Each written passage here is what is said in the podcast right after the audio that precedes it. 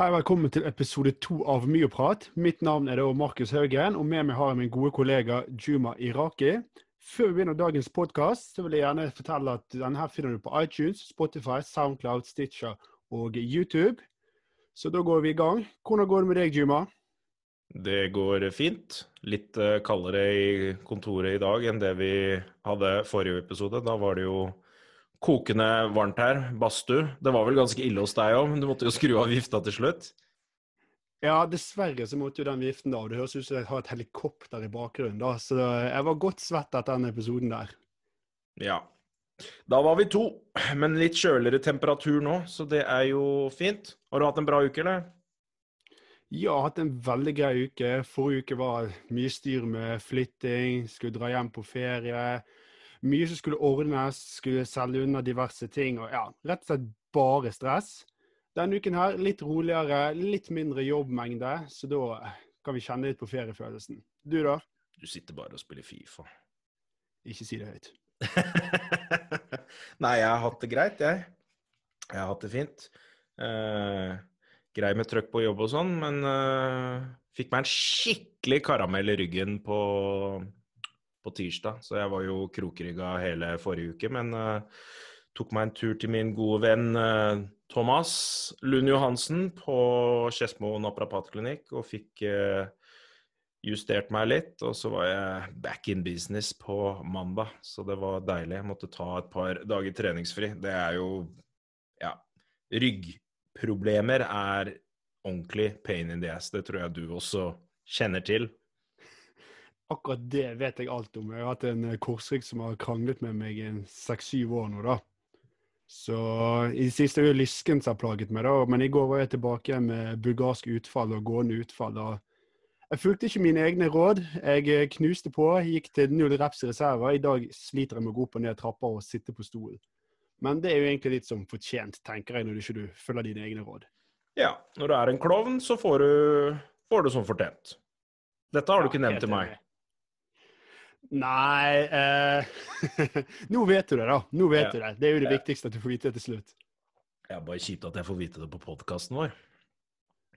Ja, men det er sånn som skjer. De fleste vennene mine fant jo ut hva karakter jeg fikk på bacheloren gjennom podkasten òg, så jeg tror, eh, jeg tror jeg må bli flinkere til å informere folk. Ja, det tror jeg òg. Så hva skal vi snakke om i dag, da? Nei, I dag skal vi snakke om det aller viktigste når det kommer til gains etter styrketrening, og det er nemlig proteiner. Vi er veldig glad i proteiner. Proteins. Ja, så det er rett og slett, Vi kan jo starte litt med hva er egentlig proteiner, da?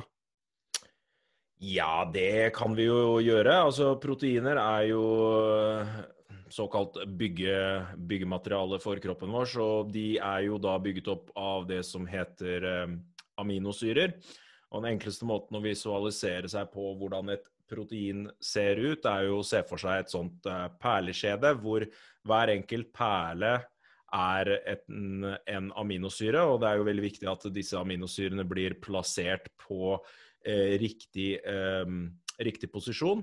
Så aminosyrer de består jo da av eh, en amingruppe som inneholder eh, nitrogen, og så har vi det som kalles for en karboksylsyregruppe.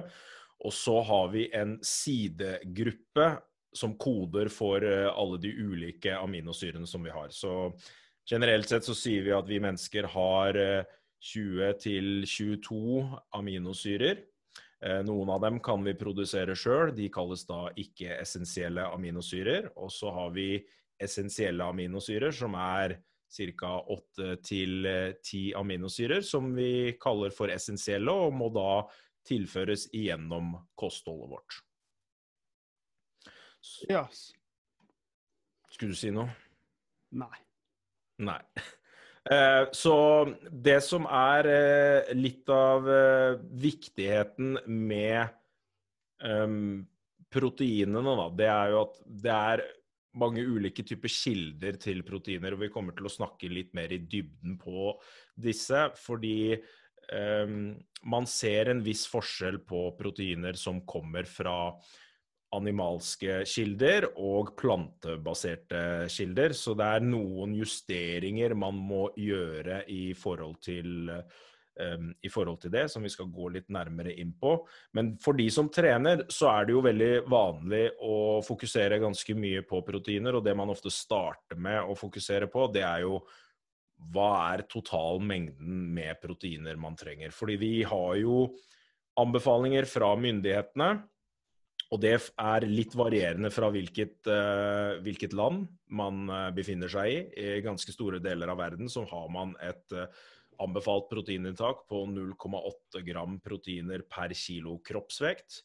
Og det er da basalt proteinbehov. Det vil da si proteinmengde som du skal spise for å ikke utvikle mangler. Fordi proteiner er jo ikke bare viktig for muskler. Eh, proteiner er også veldig viktig for andre typer eh, vev i kroppen vår. Så funksjonen til proteiner er jo da vekst og vedlikehold for ulike typer vev i kroppen.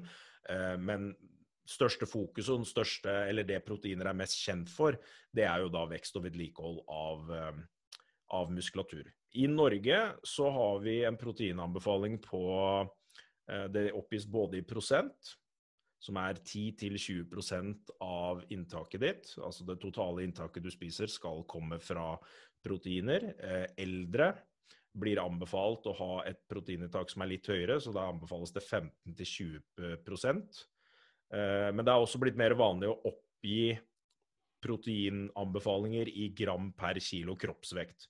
Så her har vi 1,1 gram proteiner per kilo kroppsvekt for den generelle befolkningen, og så anbefales eldre å ha et inntak på 1,2 gram proteiner per kilo kroppsvekt. Så de anbefalingene der tar jo da ikke høyde for at du driver med fysisk aktivitet eller trener spesifikt styrketrening, fordi der vet vi at så fort du driver med styrketrening, så er det et økt behov for, um, for proteiner. Men så er det litt sånn at um, det er jo en del misinformasjon der ute når det gjelder høy proteininntak, eh, spesielt når det gjelder eh, hvilken effekt det kan ha på, på nyrefunksjon.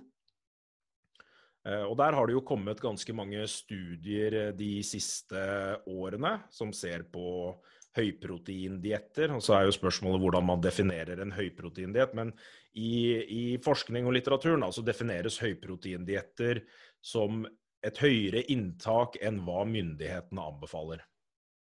Ehm, så det er jo ganske I noen studier så er jo inntakene ganske lave, og vil kanskje per definisjon for en, for en bro da, på gymmet ikke bli definert som et høyt proteininntak. Ehm, men så har du noen studier som har kommet ut eh, de siste årene som har veldig høyt proteininntak. Litt mer i den OK, nå begynner vi å nærme oss bodybuilder-nivå med hvor mye proteiner de har spist. Du kjenner kanskje til noen av disse studiene, Markus? Ja, José eh, Antonio med flere har jo studier fra bl.a. 2016, da, der de ser på inntak over 3,4 gram per kilo kroppsvekt, hvis jeg ikke husker helt feil. Eh, de hadde ett studie som varte i seks måneder, og en studie som varte i opp mot et helt år. Og der så jo man det at på gruppen som spiste over 3,4 gram per kilo kroppsvekt, de hadde ingen negative effekter på bl.a. nyrefunksjon. da. Det er viktig å nevne her, at dette var friske individer fra før av. da.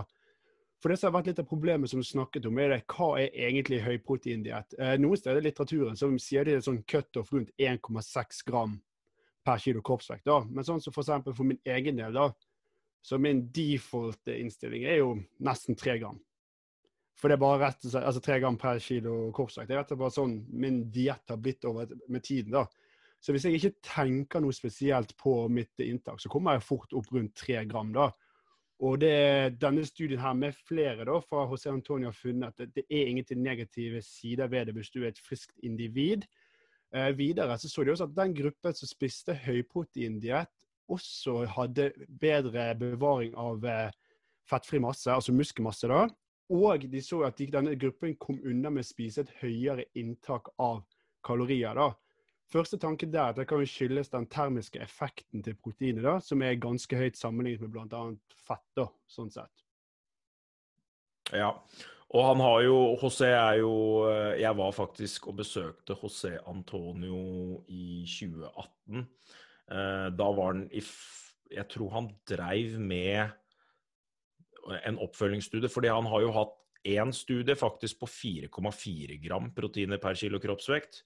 Og så har han hatt eh, de du nevnte nå, som gikk over et helt år. Men så hadde han også en oppfølgingsstudie etter det som gikk over to år. Og det de ser på, er jo da eh, markører for nyrefunksjon, og så ser de om, om det er en reduksjon i nyrefunksjonen. Uh, sånn, I korte trekk så ser man jo primært når man ser på nyrefunksjon, så ser man på eh, kreatinin, som er da avfallsstoffer fra, fra nyrene. Og så har du noe som heter eh, GFR, som måles på en blodprøve. Det vil da si filtreringsevnen til nyrene. Nå er det sånn at Kreatinin er jo alene isolert sett en dårlig markør for å se på nyrefunksjon, fordi den kan da påvirkes av mange ulike faktorer. Så hvis du trener styrke f.eks., og så går du og tar en blodprøve og måler kreatininverdiene dine, så vil de være for høye. Hvis du spiser proteiner før du tar en blodprøve, så vil de være for høye. Eh, og, og, også hvis du tar kreatintilskudd, så vil du også se at kreatininverdiene kan få en liten økning. Så hvis du ser på det isolert sett, så er ikke det den beste markøren. Men hvis du ser på både, altså hvis du både har redusert GFR, som er filtreringsevne av nyrene, og du har stadig forhøyede kreatininverdier, så indikerer det at det er et eller annet som, som pågår her. Og I disse studiene så, så man ikke det.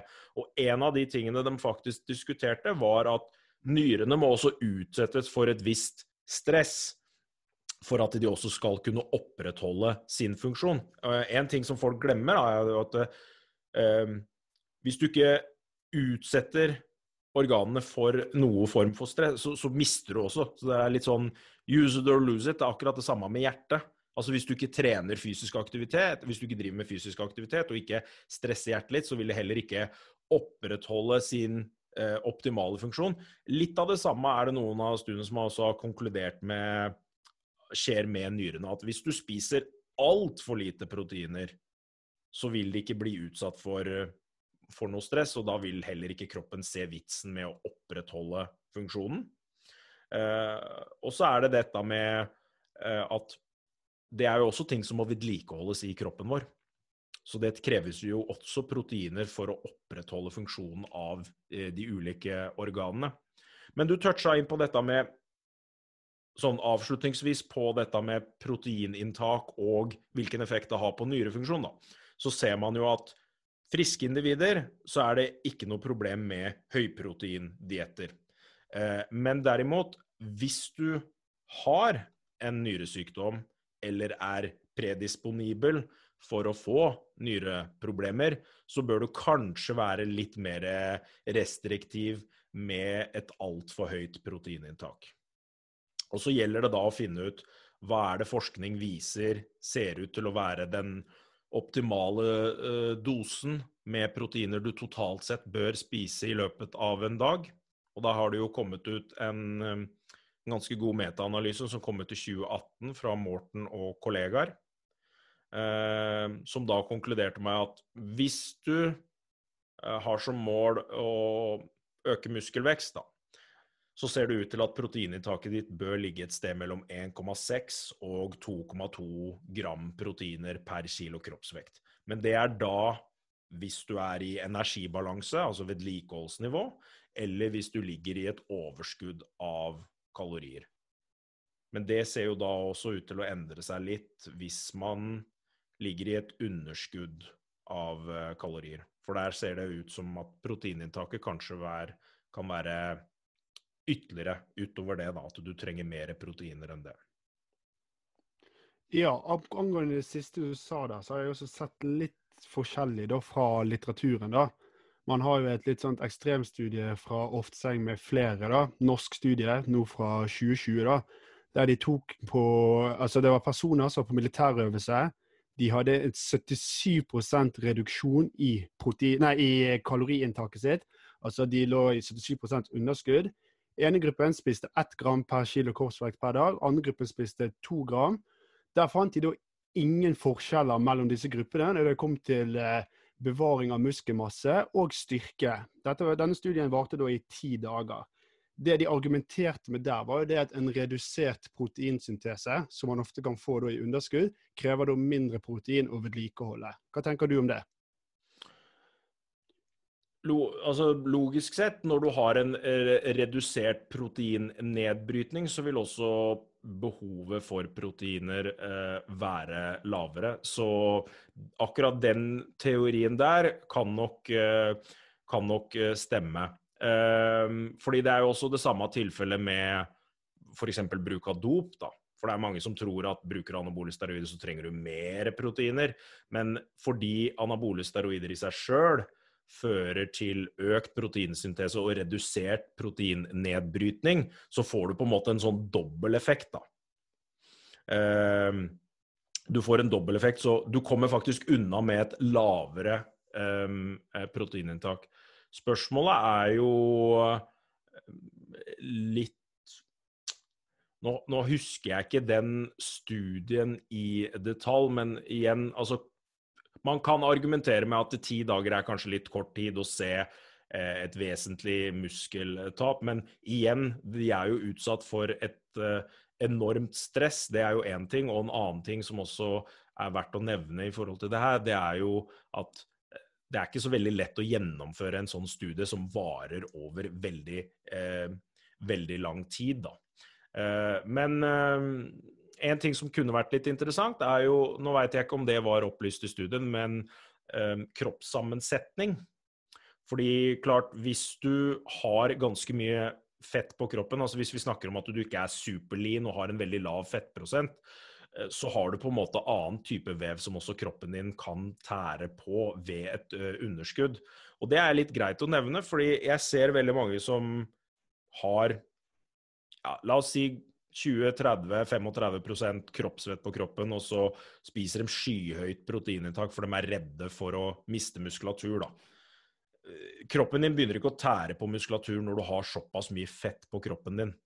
Eh, men det er når du begynner å få en veldig lav fettprosent, at muskulaturen din blir mye mer utsatt.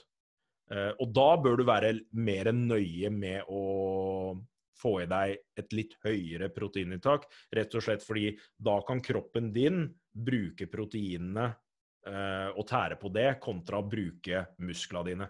For det er mange som sier at ja, vi, vi, har jo lagre for karbohydrater. Vi lagrer karbohydrater i form av eh, glykogen.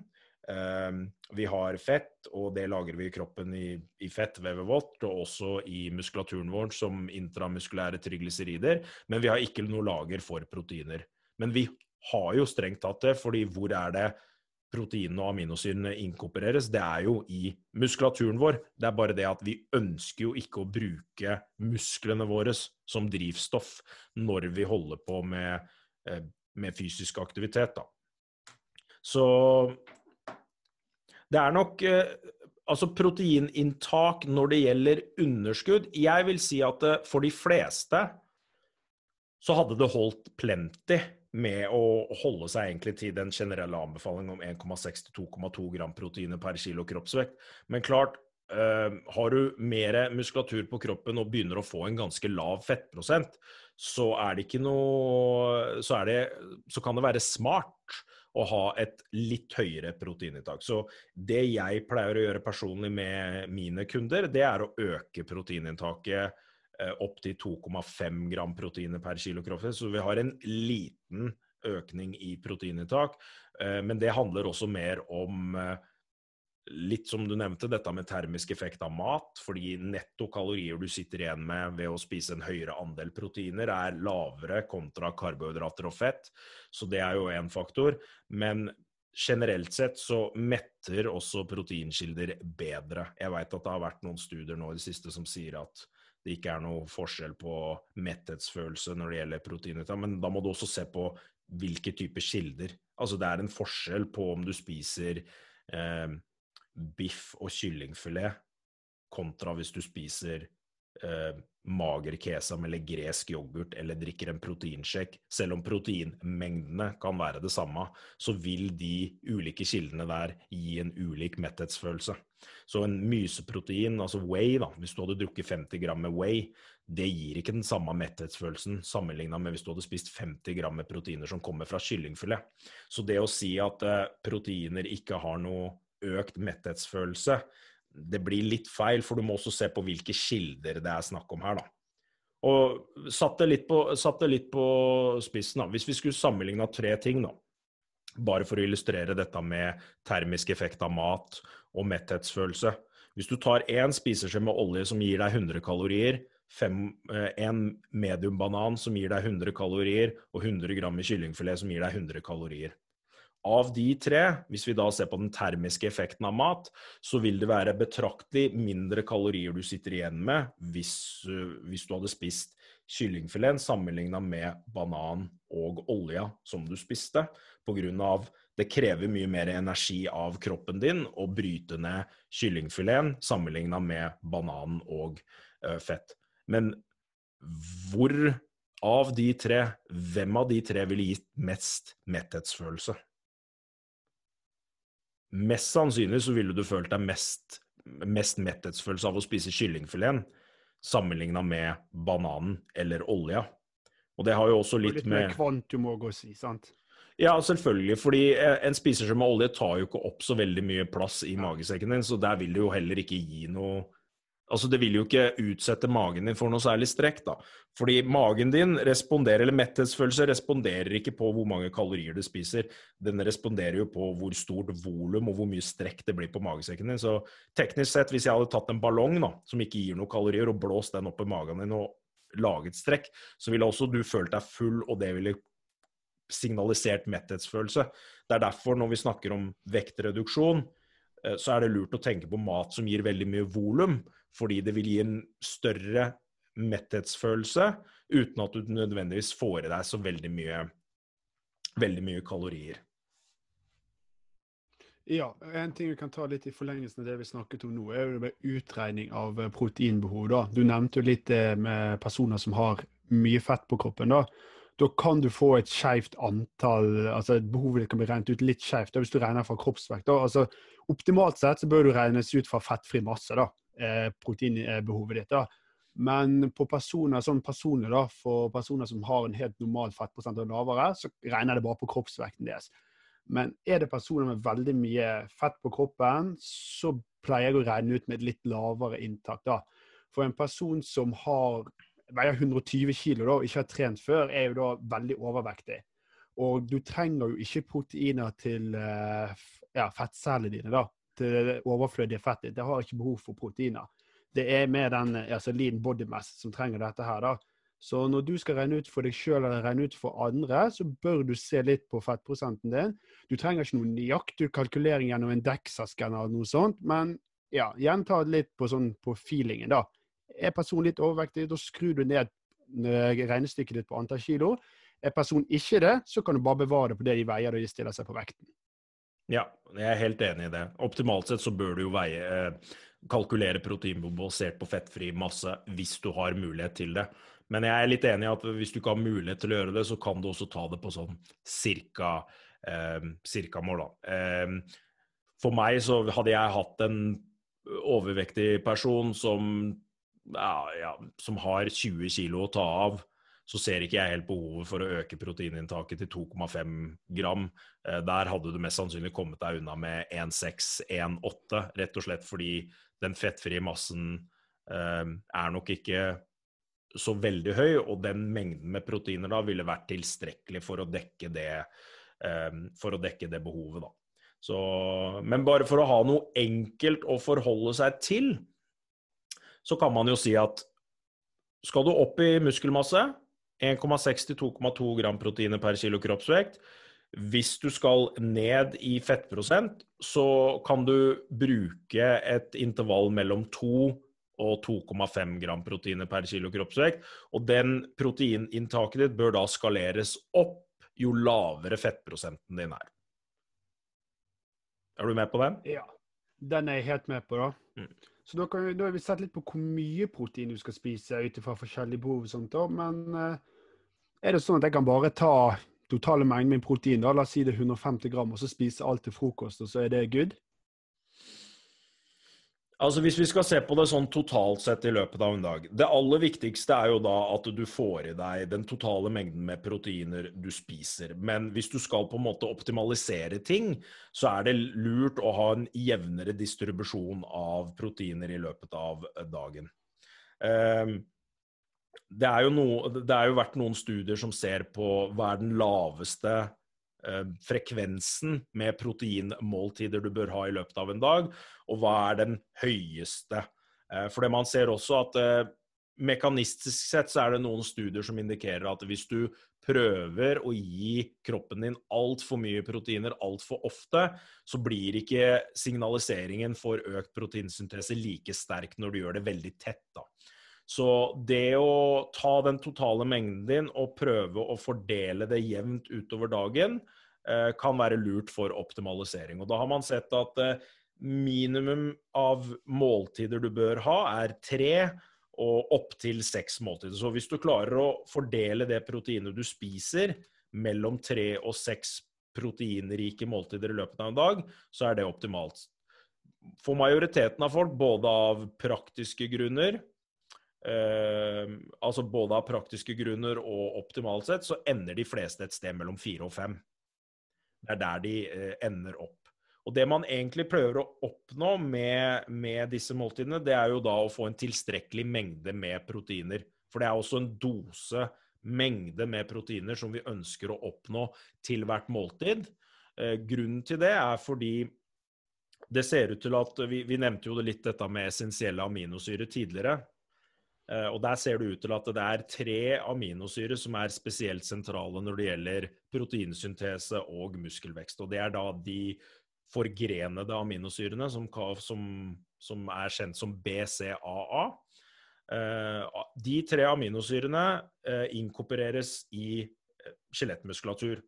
Og Av de tre så er det én aminosyre som skiller seg ut, som er på en måte kongen av alle aminosyrer, og det er aminosyren lausin. Og det man ønsker å oppnå til hvert måltid, det er jo å få en tilstrekkelig eh, Altså man ønsker å treffe det som kalles for en lausinterskel. Dvs. Si at vi vil ha en tilstrekkelig mengde og konsentrasjon av lausin for å få maksimal effekt på proteinsyntesen. Og her er det jo ganske stor variasjon ut ifra hvilke typer proteinkilder du bruker. Noen proteinkilder har høyere lausinkonsentrasjon enn andre, men det ville vært veldig lite praktisk å eh, finne ut lausinkonsentrasjonen i melk og biff og fisk og kylling, og så regulere dosen med proteiner du spiser ut ifra det. Derfor har vi intervaller for proteinmengder du bør spise i løpet av et måltid. Og Her har det jo vært flere studier som ser på doserespons. Da. Du har Eh, noen studier som kommer fra Moore fra 2009. Wittard fra 2014 har en studie. Og så er det mm, McNaughton-studien i 2018, hvor de ser på både proteindoser ved hvile. Noen av dem ser Jeg tror, tror Moore-studien som først kom ut, den så på eh, proteindose etter trening. Og så var det Wittard så både på hvile og eh, trening. Og så var det McNaughton som egentlig sammenligna Det de ønsket å gjøre i McNaughton-studien, var å se om fettfri masse hadde noe å si for proteindosen. Så de sammenligna 20 til 40 gram i, i, den studien, da. Så hvis vi begynner med Areta sitt studie òg fra 2013.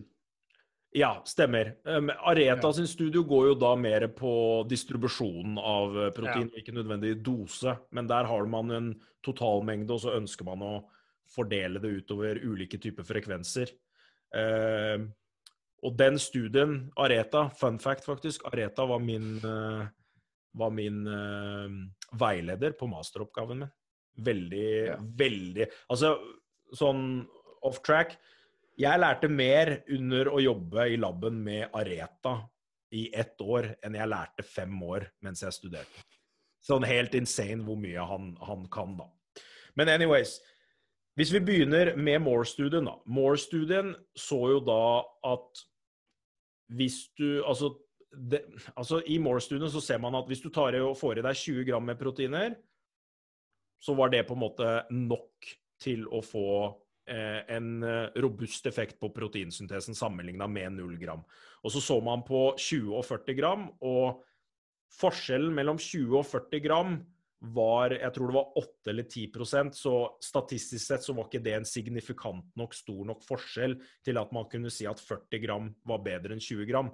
Men hvis man ser på grafen i den studien, så ser man at når man går fra 20 gram til 40 gram, så fortsetter grafen å øke.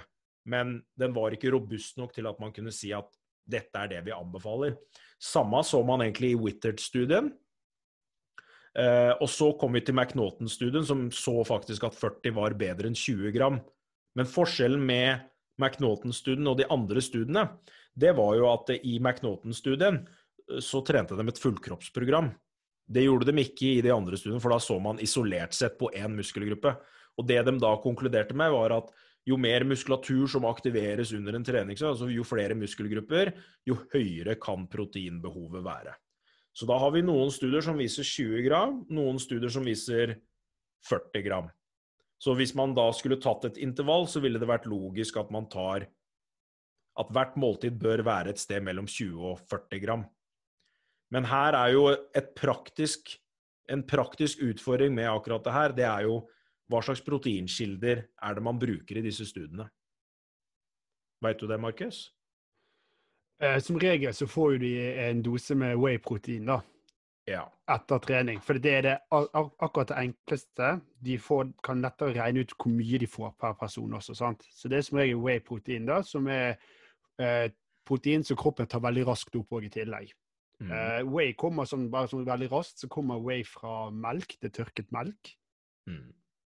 Ja, det er et uh, biprodukt av osteproduksjon. Så når du, når du lager hvitost, så skiller du mysen og det andre proteinet som er kasein. Kasein blir, da laget, blir da laget hvitost av. Og så sitter du med et flytende biprodukt som før i tida egentlig bare ble fôra til grisene, til noen forskere fant ut at vet du hva, det her er jo proteinkilder som gir skikkelig gains. Så da begynte de å filtrere dette ut, og så fjerna de laktose og fett og karbohydrat fra det, og så begynner de å spraytørke det og lagde proteinpulver av det, da. Eh, men utfordringa med å bruke Way i en studie, det er jo at myse er jo den proteinkilden som vi vet er aller best pga. den høye konsentrasjonen av lausin. Så det blir ikke samle... La oss si hvis jeg hadde gitt deg en anbefaling på 20-40 gram nå med proteiner. Du kunne fått i deg 20 gram med proteiner hvis du hadde spist eh, tre-fire brødskiver og et par skiver med skinke og ost, og så kan vi kalt det for 20 gram. Men majoriteten av det proteinet kommer jo da fra hveteprotein, som ikke er det mest optimale proteinet. Så det blir liksom ikke det samme. Så her føler jeg på en måte at vi bør ha en vi burde ha en sikkerhetsbuffer, det er jo én ting. Og så bør man i tillegg ha noen retningslinjer som man følger. Så det jeg pleier å si til kundene mine, det er vi bør holde oss Vi legger på en sikkerhetsbuffer, så vi sier hvert måltid bør være 30-40 gram med proteiner. Og så legger vi til en regel om at eh, to tredjedeler av det du spiser, bør komme fra en fullverdig kilde. En fullverdig proteinkilde av høy kvalitet. Og så kan den siste tredjedelen komme av de andre kildene. Så eksempelvis hva det her betyr i praksis, da. Hvis jeg skal få i meg 30 gram med proteiner, så er det OK, eller godkjent, hvis La oss si vi spiser brødmat til lunsj, da. Så er det godkjent hvis 20 gram kommer fra ost og skinke, og 10 gram kommer fra brød. Men det er ikke optimalt hvis det er motsatt. Altså hvis, 20, hvis 30 grams dose med proteiner du skal spise, hvis 20 gram av det kommer fra brød, og 10 gram kommer fra ost og skinke, så er ikke det optimalt. Så det er en tilleggsting man bør tenke litt på, da, fordi proteinkvalitet er jo også noe man bør, eh, bør tenke litt på, da. Ja, har man en tendens til å spise proteiner av lav kvalitet, så bør du sikte litt høyere. Litt sånn better safe than sorry-strategi, eh, da. Og i og med at vi nå prater litt om proteintiming, da, så var jeg på trening i går. Og så etter treningen så ble det mye prat med noen kompiser i garderoben. og tok litt tid før jeg var hjemme, og så måtte jeg lage meg mat. da. Så jeg fikk jo ikke i meg mat før det var gått over en time etter treningen. Og det jeg hørte på gymmen, er at hvis du ikke får protein innen 30 minutter etter treningen, så er treningen bortkastet. Så der kunne jeg bare stryke fra programmet, eller er det sånn? Altså, Den er ikke bare bortkasta, men bicepsen din detter av, og hamstringen din eh, revner opp. og det er, det er, ikke måte på hva folk kan lire av seg med hvor kritisk det er med timing av proteiner etter trening. Altså, som nybegynner så har du jo en økt proteinsyntese etter at du trener. Så, og den proteinsyntesen kan være økt i 48-72 timer. Så hva det betyr i praksis, det er at så lenge du får i deg nok proteiner i løpet av de to-tre neste dagene, så er du good to go. Så der er det ikke så veldig kritisk. Men man ser at jo mer avansert du er, jo kortere blir jo denne økte proteinsyntesen etter trening. Og da begynner det faktisk å ha noe å si, dette med timing. Da. Så det er ikke noe enten-eller-svar her. Det er litt mer hvem er det vi snakker om? Sånn som Trude som er 45 år og trener på SATS to ganger i uka. Det er ikke noe vits å anbefale henne at så fort du er ferdig med treningsøkta di, så må du styrte ned en proteinshake, eller så er treningsøkta di bortkasta. For henne så er det nok å si Sørge for å få i deg et proteinrikt måltid to timer før trening og innen to timer etter trening. Så er det greit. Men hvis du har en, du har en person da, som trener flere ganger om dagen, eh, er opptatt av å liksom maksimere og melke ut alt av gains, eh, er veldig avansert, eller trener fastende, så er det lurt å gi en anbefaling om å få i deg næring så raskt som mulig etter treningsøkta. Men for majoriteten av folk så er det nok å si To timer før trening og innen to timer etter trening, altså det fire timers vinduet der, sørg for å få i deg et måltid på hver av sidene, så er du good to go. Så Men klart, ikke sant, toppidrettsutøvere eller folk som er veldig avanserte og sånn, der er det litt lurt å fokusere på timingen, men det er liksom en veldig liten andel av folk. Og de som kommer til å høre på podkasten nå, så det er veldig fort gjort at folk tror de er mye mer avanserte enn det de egentlig er. Det er en sånn veldig typisk greie. da. Folk tror automatisk at de er mye høyere opp, altså mye høyere nivå enn det de egentlig er. Uh, så oppsummert, da, hvis vi skal ta så langt som vi har kommet i de ulike temaene vi har snakket om nå Proteindosen vil jo da være uh, optimalt sett 30-40 gram proteiner per måltid. Uh, når det gjelder timingen, så for majoriteten av folk så er det nok å si to timer før og innen to timer etter treninga så bør du få i deg noe proteinrikt. Hvis du er veldig avansert, trener flere ganger om dagen, er opptatt av å maksimere gainsa dine eller trene fastende, så bør du få i deg et proteinrikt måltid så raskt som mulig etter trening. Eh, en ting vi glemte å nevne i stad når det gjaldt disse studiene, Markus, dette var jo den Areta-studien som du nevnte.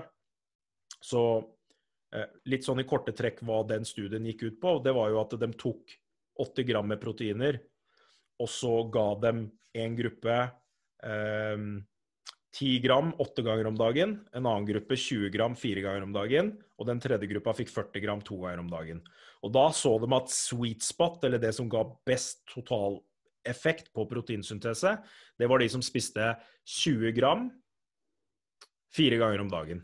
For da hadde du da både optimal dose og optimal mengde med antall ganger du stimulerte proteinsyntesen i løpet av dagen. Så med to måltider så fikk du maksimal respons på proteinsyntesen, men litt for få stimuleringer. Eh, og med ti gram åtte ganger om dagen så blei det rett og slett for lite eh, proteiner.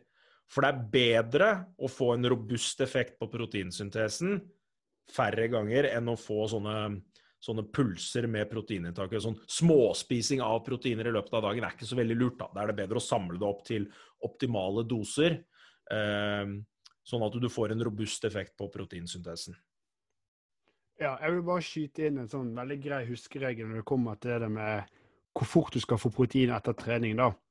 Hvis du fordeler proteinet ditt jevnt ut mellom tre til fem måltider, da, og du trener etter første måltidet ditt og før siste måltidet ditt, så er du som regel good. Mm. Da, da, trenger du ikke stresse med noe. Sant? Det er som du nevnte, at Hvis du trener fastende, så bør du få i deg protein ganske fort etter trening.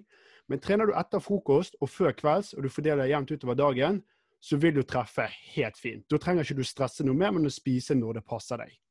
Mm, helt riktig. Uh, og en ting som også er greit å nevne Nå, nå, nå nevnte vi dette med timing, da, dette før og etter trening. Men en annet tidspunkt som kanskje blir litt oversett av ganske mange, det er jo før leggetid. Hvor det også kan være fornuftig å ikke bare ha tilstrekkelig mengde med proteiner, men også passe på hvilke proteinkilder du bruker, da. Så det er kanskje ikke så lurt å drikke en myseprotein, altså whey-protein, før du legger deg, rett og slett fordi det absorberes såpass raskt. Men det å spise en omelett, f.eks., eller det å spise kasein, som er langsomt nedbrytende, typisk er cottage cheese, kesam, gresk yoghurt og de type tingene der, det er lurt å få i seg før du legger deg, fordi da får du en proteinkilde av høy kvalitet, men også som brytes ned langsomt, da. Ja, og I forlengelsen av det da, så hadde jo Jorn Trommel med flere 2016 de så jo litt på dette her. da, og det de konkluderte med, at uh, en kombinasjon av whey og myseprotein før leggetid opptil 40 eh, gram, det ville være det optimale. Da. For da får du den raske på en måte, spiken i proteinsyntesen gjennom eh, whey-proteinet, og så får du en langsom opptak utover natten gjennom kasinproteinet.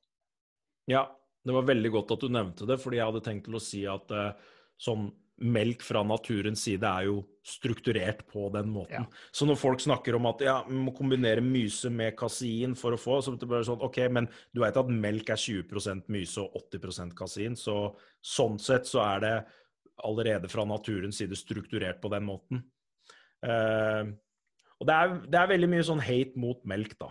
Uh, og det er jo litt kjipt, egentlig, da, når folk sier sånn derre det er, det, er, så frustrerende å høre på når folk sier det. Melk er kun for, altså, melk er kun for kalver og jeg, Vet du hva, jeg, jeg, jeg, kjenner at jeg blir irritert når jeg snakker om det. Fordi i alle andre scenarioer så er det sånn at vi mennesker er så ulike dyr. Men når det kommer til kosthold, så skal vi plutselig begynne å sammenligne oss sjøl. Altså for det første så har vi helt forskjellige fordøyelsessystemer. Det er jo én ting. Og en annen ting det er sånn når folk begynner å snakke om når folk begynner å snakke om at ja, melk er kun for kalver, og før i tida så drakk vi ikke melk og sånne ting, tror folk at melk kun har vært en del av kostholdet vårt i 200 år? De lagde faen meg ost for 5000 år sia. De fant ut veldig tidlig at det var en god kilde til næring. Og, og, så er det spørsmålet hvorfor er det greit å spise kua, men ikke drikke melka? Hvor er logikken i det? Det er, det er så mye sånne argumenter. Da. Og dette er ikke noe jeg tar ut fra løse lufta. Altså. Dette er det faktisk gjort studier på. De har tatt fossiler og analysert tannsten hos fossilene. Og der har de funnet rester av melkeprotein, og de har funnet rester av korn, og liksom funnet ut hva de faktisk spiste. Eh, så det at melk har vært en del av vårt kosthold bare i nyere tid, det er fullstendig bullshit. Fordi det har vært en del av Det er litt gøy, du. Ja, det er litt gøy at du nevner det der med korn også, da, for da er det litt sånn veldig raskt, ikke at vi skal gå inn på det nå, men det med lavkarbo som dette her, da. Mm. At eh, karbohydrater har ikke vært en del av eh, kosten vår eh, så lenge det er nå i nyere tider. Ja, ja jeg veit. Og, og, der er det jo veldig mange som trekker inn ganske idiotiske argumenter. da, som eh, En veldig sånn typisk argument folk pleier å si, er at ja, vi bør spise det de spiste før i tida, fordi før i tida så utvikla de ikke hjerte-karsykdommer og diabetes osv. Ja, men de blei bare 30 år òg, da. Så det er jo et forferdelig dårlig argument å bruke. Så jeg er ganske sikker på at hvis du hadde gått til en sånn her huleboer for uh, flere tusen år tilbake og gitt han en, en, Big Mac, så hadde han spist den. Han hadde, spi han hadde, spist den, og så hadde han sleika fingra sine etterpå. Det hadde skjedd. Så de spiste jo hva de hadde tilgang til. Og, og, og litt tilbake til dette med melk og argumentene mot, mot, uh, mot melk, da. Uh, så fort du fjerner melk og meieriprodukter ut av kostholdet, så har du en, en, ganske stor utfordring med å få i deg kalsium. Uh, det er, ikke, det er ikke dermed sagt at det er umulig, men du kan, altså, du kan bruke tilskudd, du kan bruke beriket melk altså soyamelk eller rismelk med kalsium.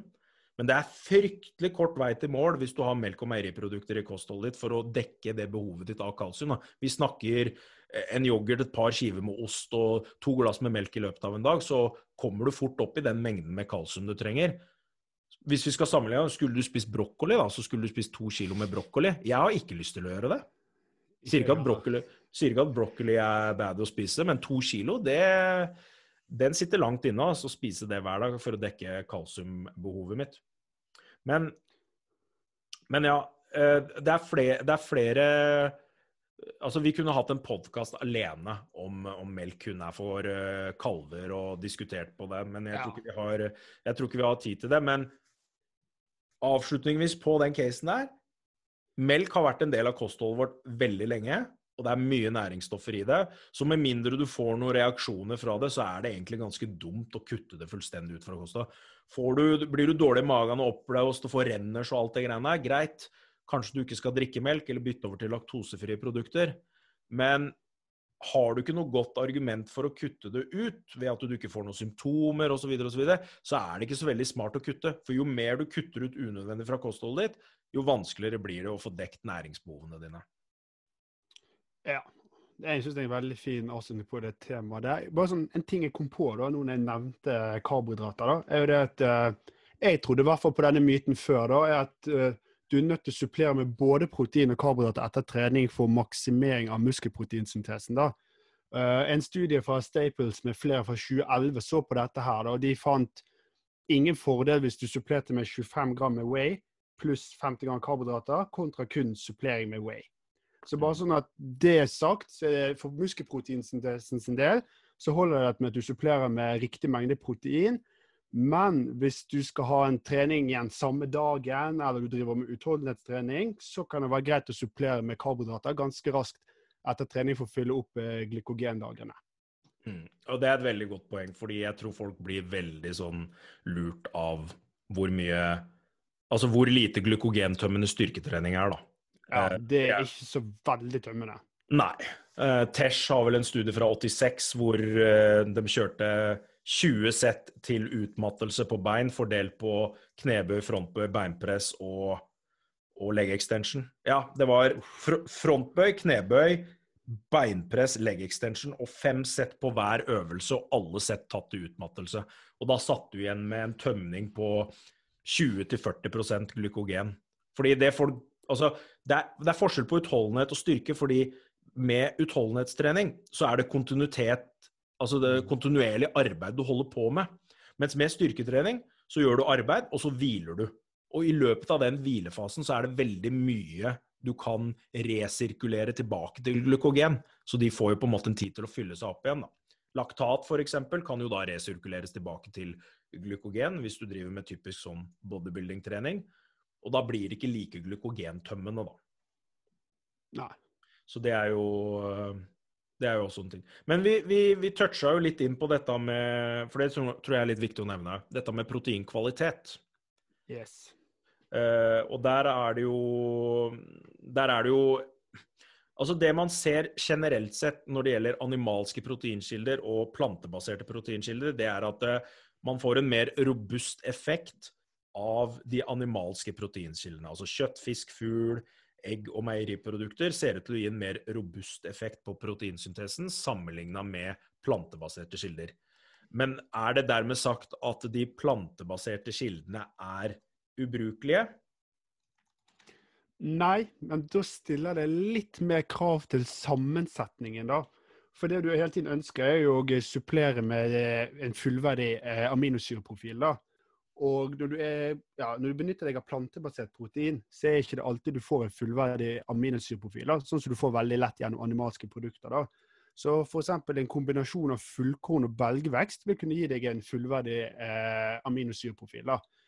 En sånn tommelfingerregel for de som spiser eh, veganske eller som vegetarianere, det er at du må sikte litt høyere på det totale proteininntaket ditt enn de som får det gjennom animalske produkter.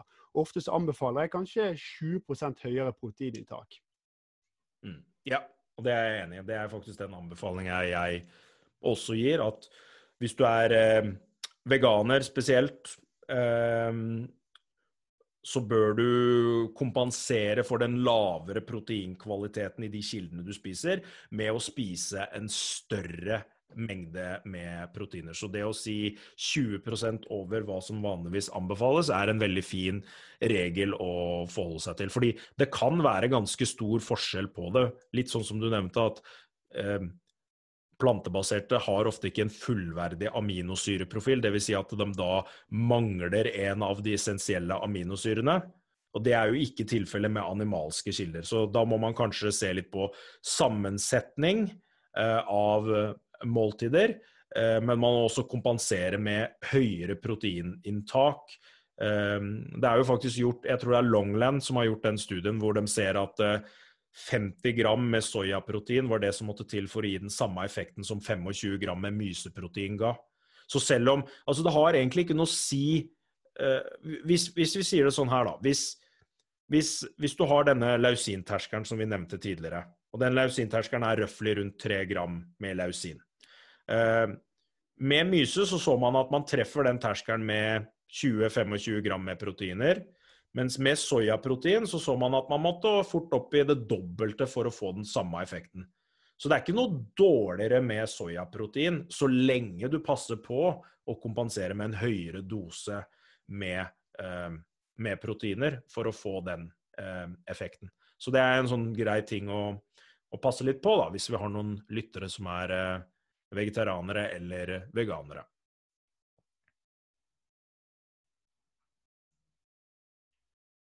Oi, der forsvant lyden. Ja, der er det, det Jeg trodde Jeg skjønte ikke hva som skjedde. Ja, bare fortsett. ja, bare for å skyte inn der at du kan oppnå like gode resultater med et, eh, et sånn slik type kosthold, da. Men det krever bare litt mer kunnskap. Eh, litt mer, Du må sette deg inn i hvordan du skal sette sammen måltidene, hvor du finner de forskjellige typer aminosyrene, hva som gir et komplett aminosyreprofil. Men det er ingenting i veien med det kostholdet der. Mm.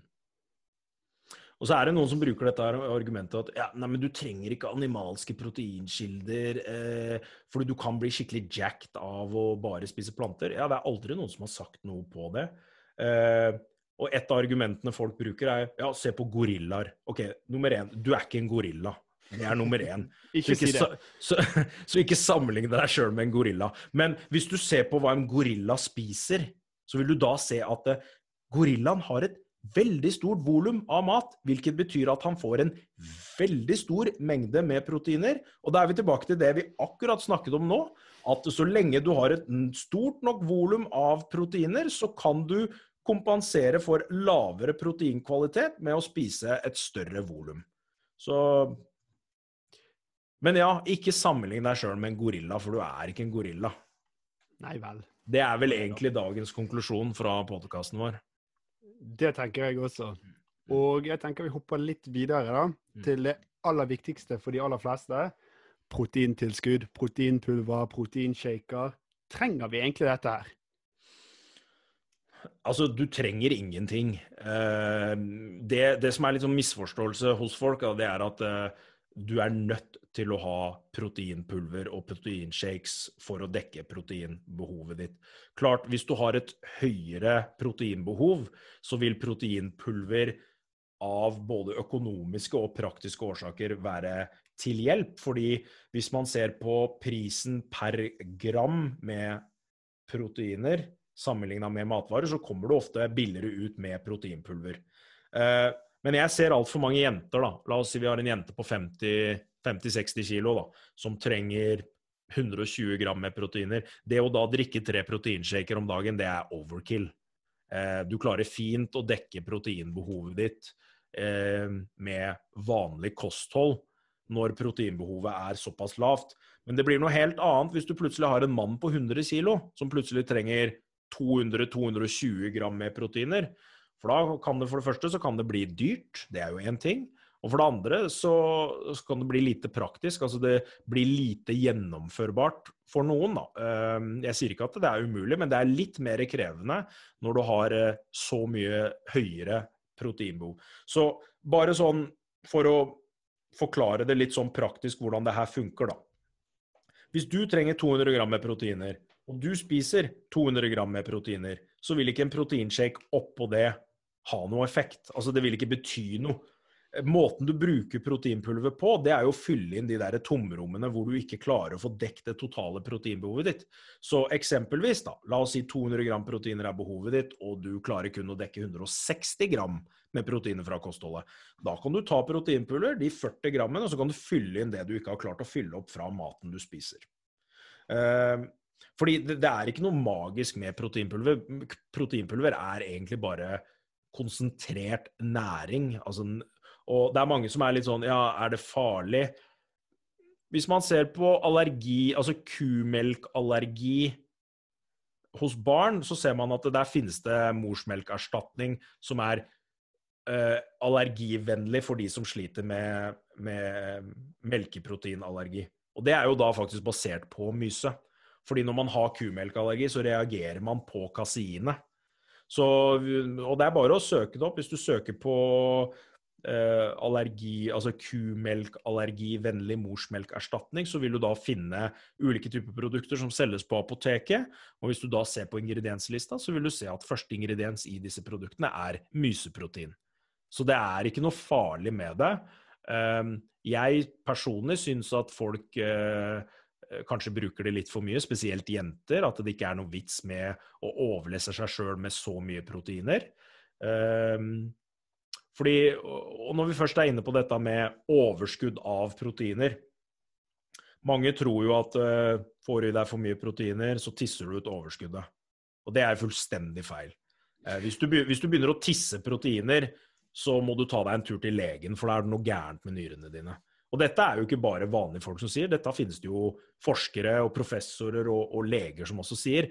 Men det som faktisk skjer i kroppen din hvis du spiser for mye proteiner, da, det er at kroppen din nedregulerer fordøyelsen sin, slik at den får mer tid til å ta opp den, den proteinmengden som konsumeres. Eh, og så er det sånn at Noe av det vil gå til vekst og vedlikehold, og så ser kroppen at vet du hva, her har jeg et overskudd av proteiner. Det din kropp gjør da, det er at litt som vi nevnte tidligere, du har en amingruppe som inneholder nitrogen, og så har du en karboksylsylegruppe. Eh, kroppen din vil da spalte av amingruppen, og så vil den bruke karboksylsyregruppen og konvertere det til glukose, altså karbohydrater. Så den nyttiggjør seg av det. Det blir rett og slett konvertering av energi fra, fra proteinet. Men blir det et overskudd av nitrogen i kroppen, så er ikke det så bra. Så igjennom eh, ulike typer prosesser så skiller kroppen din ut overskuddet av nitrogen. Så det er det faktisk kroppen din tisser ut, ikke proteinene. Fordi den klarer faktisk å nyttiggjøre seg av proteinene du spiser på en eller annen måte, eh, ved å konvertere overskuddet til veldig, veldig dyr energi. Da. Det er jo i, bunn og grunn det det faktisk blir. Da, Når du, og Det er derfor det ikke er så lurt å spise altfor mye proteiner på en gang, men heller passe på å ha en jevn distribusjon i løpet av dagen for å nyttiggjøre seg av det, slik at primært så går proteinet til eh, proteinsyntese og vekst og vedlikeholdet av ulike typer vev i kroppen. Da. Ja, og over tid så skal det være mulig å kunne egentlig få i seg den mengden protein man trenger gjennom kosten, da, og klare seg uten proteinpulver. da. Det man ofte ser er at Når folk som da kanskje har spist for lite protein, endelig finner ut hvor mye protein de skal spise, så kan de få litt problemer med at eh, de klarer ikke å få i seg nok, for de er ikke vant til å spise nok eh, protein. Da. Så over tid så vil du kunne ja, gå mer over til at du bare tar, eh, benytter deg av proteinpulver på dager med dårlig tid. og ja, Du skal hive i deg en liten shake etter trening før du skal på jobb eller skole. da. Eh, sånn Før vi avslutter det med tilskuddet, som heter her, da, så har jeg hørt at du får dobbelt så stor biceps hvis du drikker BCA mellom settene. Hva tenker du om det? Nei, det Det er jo bullshit. Hæ? Det er jo fullstendig bullshit. Det er derfor ikke armene mine har vokst de siste årene, altså. er det det du har drevet og sløst penger på? Kanskje. Altså, det, det no, OK, for å være litt mer seriøs, da. Eh, BCA er jo de tre aminosyrene som er veldig viktige for skjelettmuskulatur. Eh, problemet med BCA alene isolert sett, det er jo at eh, de klarer å sende signaler for å bygge muskulatur. Men det hjelper veldig lite hvis du ikke har resten av aminosyrene. Så for å forklare det på en enklere måte, da. Det blir som å ha Det blir som å prøve å bygge en bygning hvor du har arbeidere, men du har ikke byggemateriale. Du kommer liksom ikke noe vei med akkurat det, da. Eh, derfor ser man at for å få en effekt, så er du ikke bare nødt til å ha BCAA, du er også nødt til å ha de andre aminosyrene i tillegg for at det faktisk skal skje noe. Det du derimot kan hvis jeg skal prøve å finne et eller annet jeg vet, Det er litt vanskelig for meg, men hvis jeg skal prøve å finne noe bruksområder for BSA for de personene, så syns jeg det er complete waste of money. Men ved å ta en lavkvalitets proteinkilde, og eventuelt ta BCA-tilskudd, så kan det på en måte gjøre den proteinkilden bedre. Så la oss si du tar noe plantebasert protein av veldig lav kvalitet, og supplementerer det måltidet med BCA, så kan det ha en nyttefunksjon der. Eh, jeg syns ikke det er en god måte å gjøre det på. Det, er, det, blir jo veldig dyrt. Men det er på en måte Det er en, en måte du kunne brukt BCA på. Men uh, save your money og, og, kjøp heller noe høykvalitetsprotein, er min uh, anbefaling. Men uh, det er litt mer bare for å gi noe anbefaling for hvordan det kunne i praksis kunne blitt brukt til, uh, til noe, da. Ja, og det er sånn, BCA er bedre enn ingenting, men jeg mener du hele tiden skal sikte inn på en fullverdig proteinkilde. Så vet du jo at det er noen som sier at ja, men jeg drikker BCA på trening for jeg trener fastende. Men BCA inneholder kalorier, da. Det er 5,3 kalorier per gram BCA, så du er per definisjon ikke fastende akkurat da. Eh, videre så var det studiet fra Fuxet All 2019. Den, de så på det med elevasjon altså i muskelproteinsyntesen. da, og umiddelbar respons i muskelproteinsyntesen den var lik mellom BCA og eh, fullverdig proteinkilde. Men fra to timer utover så knuste en fullverdig proteinkilde BCA. Så ja Take home notes for BCA. Spar pengene. Sikt på en fullverdig proteinkilde. Mm. Er du klar over hvor mye kyllingfilet du kan kjøpe kontra en BCA-boks? Det er mye, ja. ja. Uh, så bruk heller penger på det. Det tenker jeg også. Mm. Jeg tenker vi skal begynne å oppsummere dagens episode. Så mm. da kan vi kort gå gjennom hvor mye protein bør man få i seg i løpet av en dag. Altså, hvis vi skal ta og, kort oppsummert, da. Hvis du begynner først med totalmengden med proteiner, 1,6 2,2 gram protein per kilo kroppsvekt, eh, så blir det neste steget å fordele dette proteinet. Eh, det som kan være lurt å passe på da, det er at hvert måltid du spiser, er mellom 30 og 40 gram proteiner, og at du holder deg innenfor et måltidsfrekvent på 3 til 6 måltider. Eh, når det gjelder proteinkvalitet, eh, så er det lurt å tenke på at når du, du teller proteiner som du spiser fra alt, men du bør ha en, en tommefingerregel om at to tredjedeler av det proteinet du spiser i et måltid, bør komme fra en fullverdig kilde, og så kan en tredjedel komme fra en ikke fullverdig kilde. Timing av uh, proteiner før og etter trening, en generell anbefaling er sørg for et proteinrikt måltid to timer før trening og innen to timer etter trening. Hvis du er avansert, hvis du ønsker å maksimere gainsa dine, hvis du trener fastende, eller hvis du trener flere ganger om dagen, så kan det være lurt å få i seg proteiner så raskt som mulig etter trening. Og det kan også være lurt å tenke på å få i seg proteiner eh, tilstrekkelig mengde med proteiner før leggetid, og gjerne da bruke en kilde som er litt mer langsom. Da.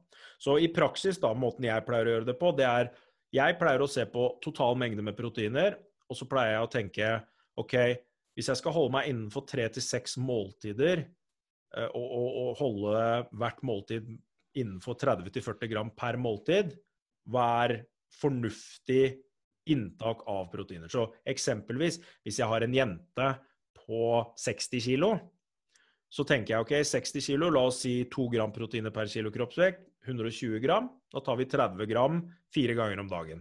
Da har vi 30, 30, 30, 30, så har vi dekket det. Hvis jeg derimot har en mann på 100 kg og trenger 200 gram med proteiner, så ville jeg tenkt OK, 40 gram fem ganger om dagen. 40, 40, 40, 40, 40 det er en måte å tenke litt på da, for å prøve å finne frem til optimal eh, frekvens og dosering for eh, måltidene. Og er treningen din innimellom der, så har du truffet på det anabole vinduet? Ja. Så ikke, ikke overtenk det. Nei. Så videre så er det animalske kilder kontra veganske kilder. Da er det rett og slett du må passe litt mer på aminosyresammensetningen din.